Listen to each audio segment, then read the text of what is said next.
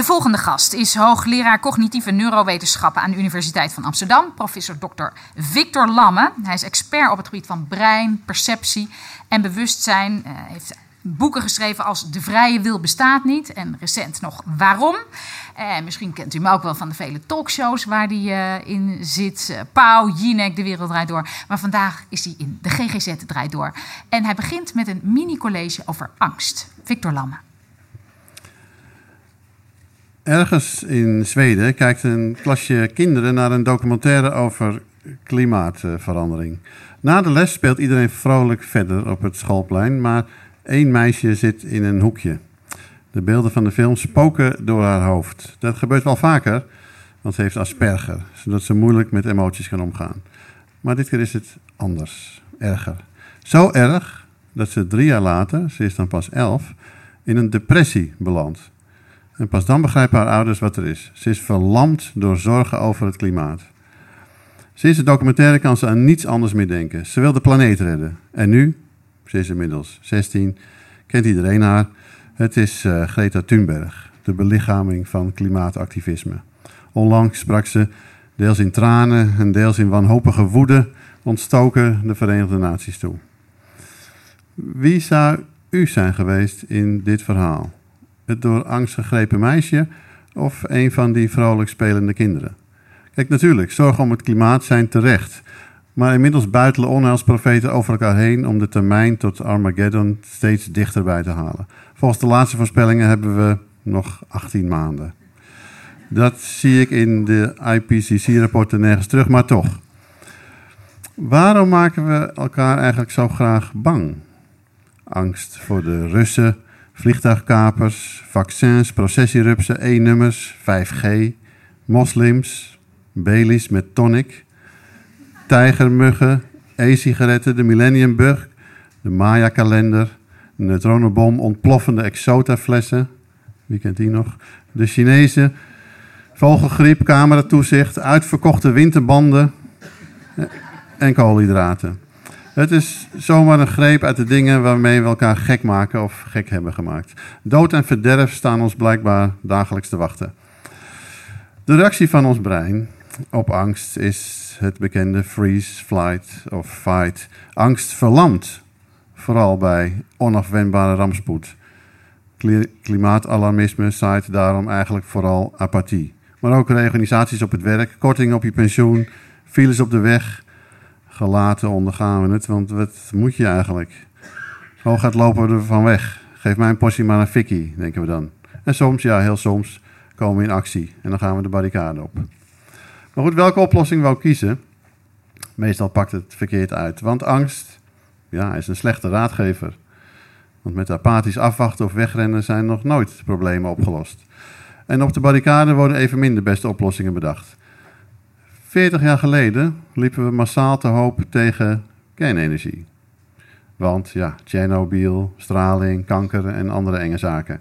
En dus gingen we vrolijk verder met kolen en gas. Ja, en daardoor stierven jaarlijks honderdduizenden aan luchtvervuiling of in mijnen. En dat zijn er toch echt wel ietsje meer dan Chernobyl ooit voor elkaar heeft gekregen. Oh ja, en natuurlijk CO2 en global warming. Met een wereld vol kerncentrales had Greta gewoon leuk met haar vriendjes kunnen blijven spelen. Maar daar komt dit nog bij. Omdat wij sociale dieren zijn, nemen we vaak gedachteloos elkaars gedrag, opinie en emotie over. We gapen als we een ander zien gapen. Zien eten doet eten, samen sigaretjes wel zo gezellig. En we kopen allemaal bitcoins, de nieuwste iPhone of van die rare schoenen. Huks. Soms gaat het nog een tandje verder. We plegen zelfmoord, als een bekend figuur dat ook heeft gedaan. Of we volgen onze geloofsgenoten in hun gang naar ISIS, of worden enthousiast van euthanasie, omdat iedereen dat nou eenmaal een goed idee vindt. En vooral angst is erg aanstekelijk. Zie nu weer het coronavirus. Als we zien hoe makkelijk wij, redelijke, verstandige mensen, zijn mee te nemen in irrationele angst, hoe moeilijk moet het dan niet zijn voor mensen met een hersenziekte, een psychische aandoening of wat zwakkere sociale of medische gezondheid? Is het dan niet onze taak om deze mensen niet nog verder in onzekerheid te storten? Bijvoorbeeld over of er nou wel een plek voor ze is of niet, en of een behandeling wel wordt vergoed, of welke behandeling nou eigenlijk wel de beste is.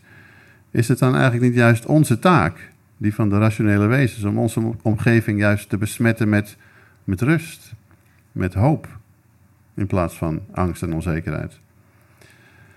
Zullen we afspreken elkaar één dag in de week geen hysterische angsten aan te jagen?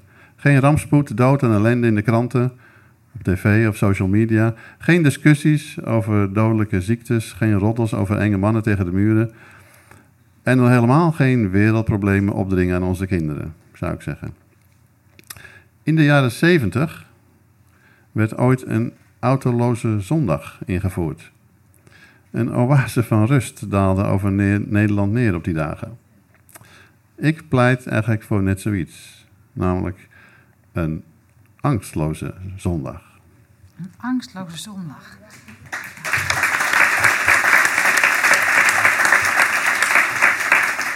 Dat klinkt heerlijk, een angstloze zondag. Maar ja, dan komt die maandag er weer aan. Nou ja, je moet ergens beginnen natuurlijk. Ja, hè? Dus, uh, ja. in één dag, ja, dan maken we elkaar weer allemaal gek. Is, is, heerst er een angstcultuur? Nou, dat is wel iets... Ik hoor daar meteen een ja, volmondig ja. Dat is wel iets wat ja, toch steeds duidelijker naar voren komt in, in, in onze maatschappij. En dat heeft denk ik twee oorzaken. Kijk, natuurlijk, vanuit onze evolutie zijn we sowieso gepreocupeerd met, met, met angst. Dat is natuurlijk, ja, angst beschermt ons tegen gevaar. Dat, in die zin is het natuurlijk een nuttige emotie. Maar juist omdat wij natuurlijk zo intens met elkaar verbonden zijn. Hè, tegenwoordig met sociale media, internet enzovoort enzovoort. Kijk, vroeger was er één dorpsgek. Nou, als je nu even op Twitter gaat, dan heb je er meteen honderd over je heen. Dus het wat dat betreft uh, steken we elkaar natuurlijk heel makkelijk aan met allerlei narigheid en ellende. Uh, en daar komt ook bij natuurlijk dat ook onze, in onze maatschappij uh, er steeds meer onzekerheid is, onduidelijkheid over je baan, over globalisering, over het klimaat, over belastingen, over wat er wel of niet wordt vergoed. Dat is pensioen. Je kunt het zo gek niet bedenken of alles, van alles wordt eigenlijk een soort onzekerheidscircus gemaakt. En dat is denk ik iets wat ja, voor normale mensen eigenlijk al lastig te behappen is. Maar natuurlijk zeker voor mensen die dan ja, nou ja, wat, daarin wat zwakker in de schoenen staan. Ja, dat creëert denk ik een enorme hoeveelheid extra nou ja, laten we zeggen, werk voor mensen zoals jullie. Ja, maar zijn er, zijn er meer onzekerheden? Want is, is het niet van alle tijd? Ik bedoel, nu speelt het zich af, ook vooral via eh, digitale media, sociale media. Maar is het niet van alle tijden dat mensen angsten hebben. Uh, dat er onzekerheden zijn. Vroeger was het onzeker of als je kind geboren werd of dat uh, wel overleefde. Dat was helemaal niet van zo vanzelfsprekend. Er waren natuurlijk op hele andere. Er was onzekerheid of je misschien, uh, weet ik veel, of de elektriciteit het deed. Allemaal dingen die nu goed werken. Ehm, of je de pest kreeg. is, is dat niet van alle tijden? Ja, dat waren natuurlijk zeker ook wel belangrijke existentiële problemen. Of je wel of niet de pest kreeg, inderdaad. Maar. maar maar wat ik, ja, wat ik wel jammer vind, is dat met name vanuit de overheid... en dan met name natuurlijk ook in het, wat, laat zeggen, neoliberale klimaat... waarin we tegenwoordig uh, leven... Ja, dat, dat toch nog wel extra wordt aangewakkerd. Hè. Het is, Op welke manier?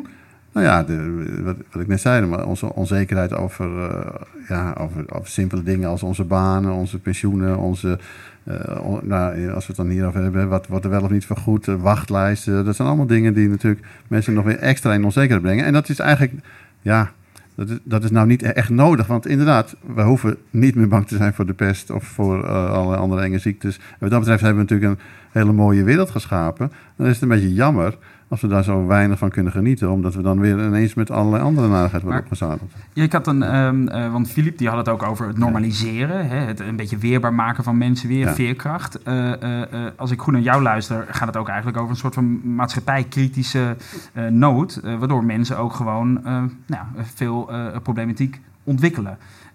hoe, hoe moeten we dan iets meer weerbaarheid creëren of moeten we de maatschappij toch een beetje anders in? Ja, nou kijk, wat, als je het hebt over weerbaarheid creëren, natuurlijk, hè, en, en normaliseren, dat is, dat is eigenlijk precies wat je zou willen. Maar als je iets wilt normaliseren, moet je vooral zelf uitstralen dat iets, dat, dat iets gewoon is. En het is inderdaad, hè, wat, wat, we hebben natuurlijk heel vaak de neiging om dingen te willen bespreken. En wat natuurlijk zeker ook in het neoliberale tijdsgevricht uh, heel erg in de mode is, is om mensen als het ware ja, te, te, te, van mensen te vragen of ze zichzelf aan hun eigen schoenveters uit het moeras willen trekken. De participatie. je dus, moet het allemaal zelf doen. Je moet het allemaal zelf doen. En dat, en, en dat is.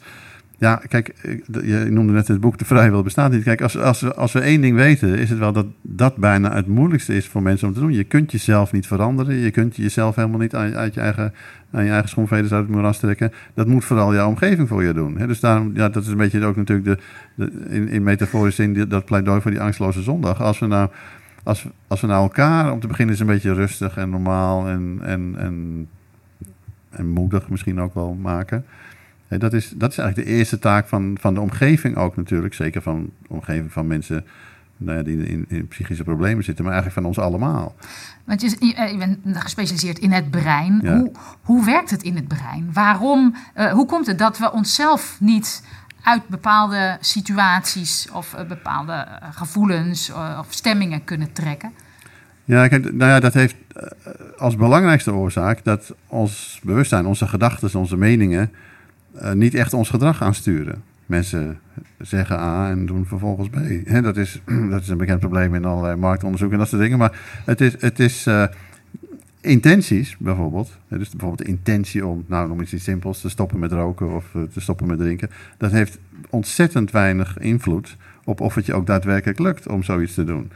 bijvoorbeeld als je, het dan, als je het dan hebt over stoppen met drinken of roken. De, de factor die het beste voorspelt of dat iemand lukt is simpelweg of zijn omgeving of haar omgeving nog wel of niet rookt. Dus daar, daar zie je ook weer natuurlijk dat het feit nu, dat nu wij... twee dingen die echt een verslavend uh, gehalte hebben, ja. verslavende elementen in zich hebben, zowel alcohol als, als drank. En de iPhone heeft het natuurlijk ook, of de mobiele telefoon. Maar er zijn ook heel veel andere dingen die niet per se verslavend zijn, maar waar we kennelijk toch niet, uh, nou ja, die, die angsten met elkaar dingen aanpraten. Waar, waarom doen we dat?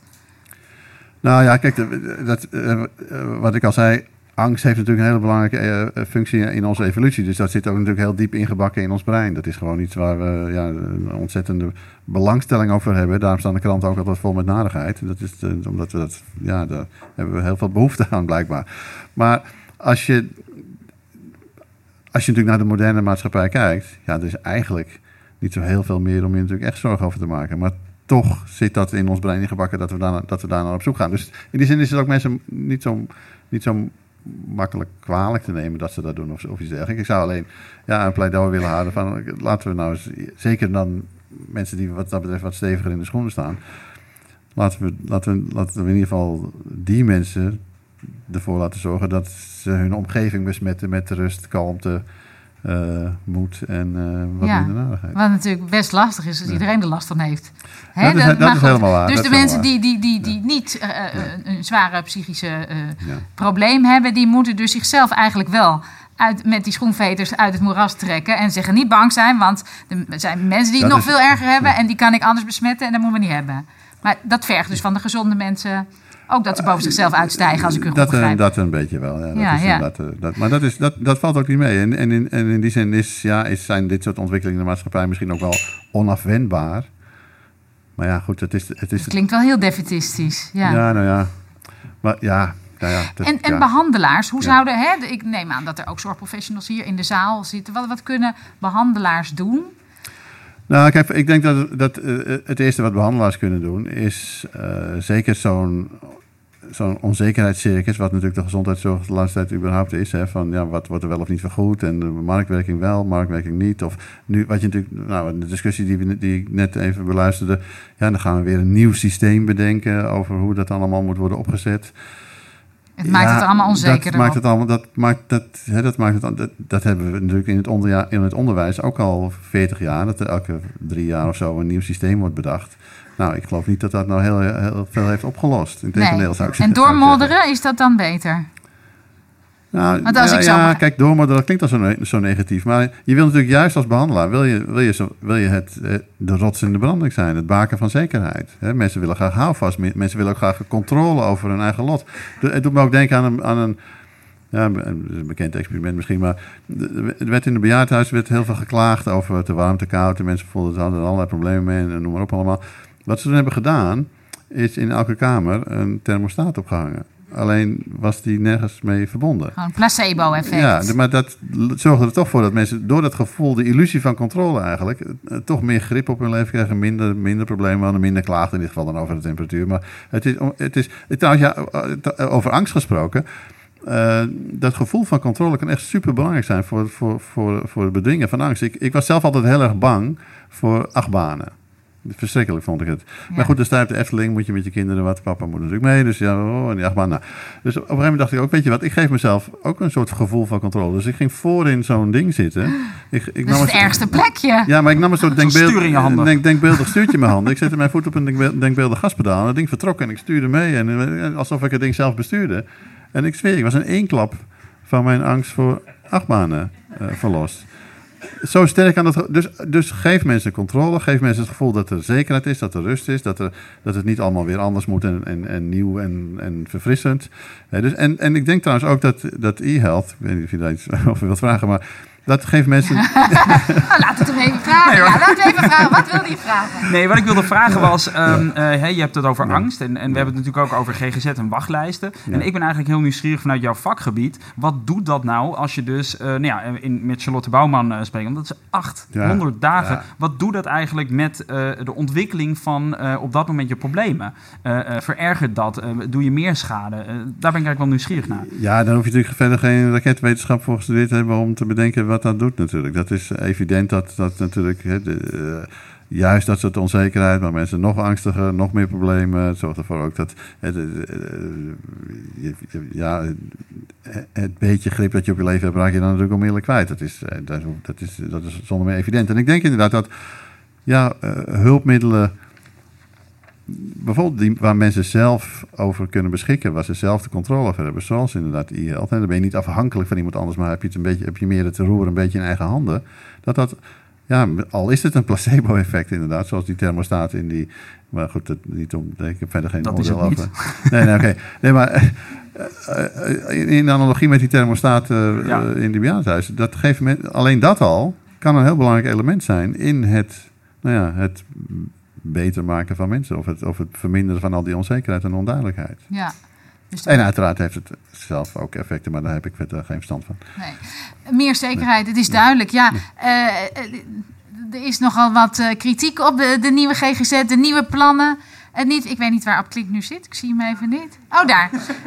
um, ja, er moet gewoon duidelijkheid komen over wat er wel en niet vergoed wordt. Want het maakt mensen eigenlijk nog uh, nog angstiger en daardoor verergeren die problemen. Um, ik weet niet of de microfoon. Ik wil nog wel even een korte reactie van uh, Ab Klink. Ja, um, moet duidelijk zijn over wat er vergoed wordt. Is dat de vraag? Ja. Nou, dat, dat is. Uh, kijk, het, oh, hoe het zorgsysteem is in, ingericht. Hè, dat je eigenlijk niet goed weet waar je aan toe bent of je een behandeling krijgt. Dat, dat, dat, verergert de problemen, zegt meneer Lamme. Ja, ik, ik vrees dat de werkelijkheid gewoon zo complex is. En met name in de GGZ, eh, trouwens niet alleen, ook in de somatiek. Um, misschien even ter illustratie. Hè. Financiën, het ministerie van Financiën probeert al jaren en dag... om als het ware via het basispakket duidelijk te maken... waar de zorgkosten wel en niet gemaakt mogen worden. En het is bijna niet te doen. Uh, want juist binnen het... Uh, uh, laat ik misschien één voorbeeld uit de somatiek geven. Wij zijn een jaar of vijf geleden met Benhoven en Rivas, en zijn er meer ziekenhuizen, maar bij deze zijn we begonnen, om de overdiagnostiek en de overbehandeling eruit te halen. Toen kregen we van talloze artsen te horen, waar heb je het over? Vijf jaar later blijken er, door betere zorg, hè, meer aandacht voor patiënten, beter luisteren wat mensen willen, meer overleggen enzovoort. De prijzen gaan omhoog, want tijd is geld. Dus die tijd die aan de patiënten besteedt moet ook betaald worden. Het effect is, wat we ook vermoeden, maar het blijkt wel heel groot te zijn, 20% minder heupvervangingen. 20%. Dan zegt financiën, ja, moeten die heupvervangingen dan eigenlijk wel in het, in het pakket? Ja, natuurlijk. Want die andere 80% heeft ze wel nodig, maar die 20% niet. En waar ligt dat aan? Dat ligt aan goede zorg die door artsen geboden wordt. Die nemen ook de tijd voor die patiënten. Dat kan je niet met een schaartje knippen. Zo, uh, uh, de GGZ, ja, ga maar eens een onderscheid maken tussen een burn-out en een depressie. Geef het je te doen. Ja, weet je. Um, als nou, het, het ging er eigenlijk meer over dat er dat er heel vaak regels worden veranderd. Uh, ja, daar ben ik het dan mee eens. Laten we nou in hemelsnaam eens een keer binnen een, een kader wat we hebben. Want, want ik, ik ben, nou, dat is mij het hart gegrepen. Ik moet zeggen, die, die, die hele hervorming langdurige zorg. Ik heb er echt, echt eerlijk gezegd zit, naar zitten kijken. Dat ik denk, wat gebeurt hier? Hè? Die, die verzorgingshuizen die weggesaneerd werden. En dan maar het idee, mensen willen liever thuis blijven. Wat voor een deel ook zo is. Want zo genuanceerd is het ook. Maar tegelijkertijd, mijn hemel, hoeveel eenzaamheid roep je op? Hoeveel, uh, hoeveel isolement? Uh, wat betekent het voor mensen die wel wat gaan mankeren? De, de, de, de, nou ja, van de SIH naar het ELV enzovoort. Dus laten we nou eens een keer laten we nou eens wat rust creëren. In het Rust. onderwijs precies hetzelfde. En daarbinnen, inderdaad, met de, met de goede krachten die er zijn, het gewoon gaan verbeteren. Oké, rust. Rust creëren en elkaar niet gek maken met angst. Ik ben even benieuwd of... Ja, ik zie daar een eh, vinger de microfoon even daar. Zegt u even uw naam en waar u van bent en eh, uw vraag. Dankjewel, Dennis Diederiks. Eh, ik ben van Amsterdam Data Collective, een klein bureautje. Eh, de vraag is eigenlijk eh, over deze eh, presentatie. Ik vond het, een, eh, vind het een leuk verhaal, ik ben het er ook wel eh, deels mee eens. Maar ehm, de manier waarop het wordt gezegd eh, doet mij wel denken dat we zien een plaatje over muggen, ehm, global warming, eh, Rusland, allemaal dingen waar we echt eh, bang voor moeten zijn. En ja, nu wordt er eigenlijk in mijn ogen een eh, tweede plaatje of een, of een, een, een, extra plaatje bijgezet, namelijk eh, angst. Eh, dus de manier zeg maar, waarop er over wordt gesproken is, is heel vergelijkbaar over angst. Ja, we moeten, ehm, angst is, is een groot nieuw probleem en daar moeten we achteraan rennen. Ehm, is niet de manier waarop we überhaupt praten over dit soort problemen iets waar we aan moeten werken. Ehm, bedoel je daar, eh, begrijp jij de vraag? Ik, ik, ik heb het niet helemaal helder. Nee, bedoel je eigenlijk van de manier waarop Victor Lam hierover heeft gesproken? Dan, nou, nou moeten we weer bang zijn voor angst. Yes. Oké, ja. Nou, weer nog, een, nog een angst erbij. Ja, Ja, dat is een mooie circulaire eh, analyse. ja. inderdaad. Klets je daar maar eens Ja, uit. klets je daar maar eens uit. Ja. Oeh, sorry.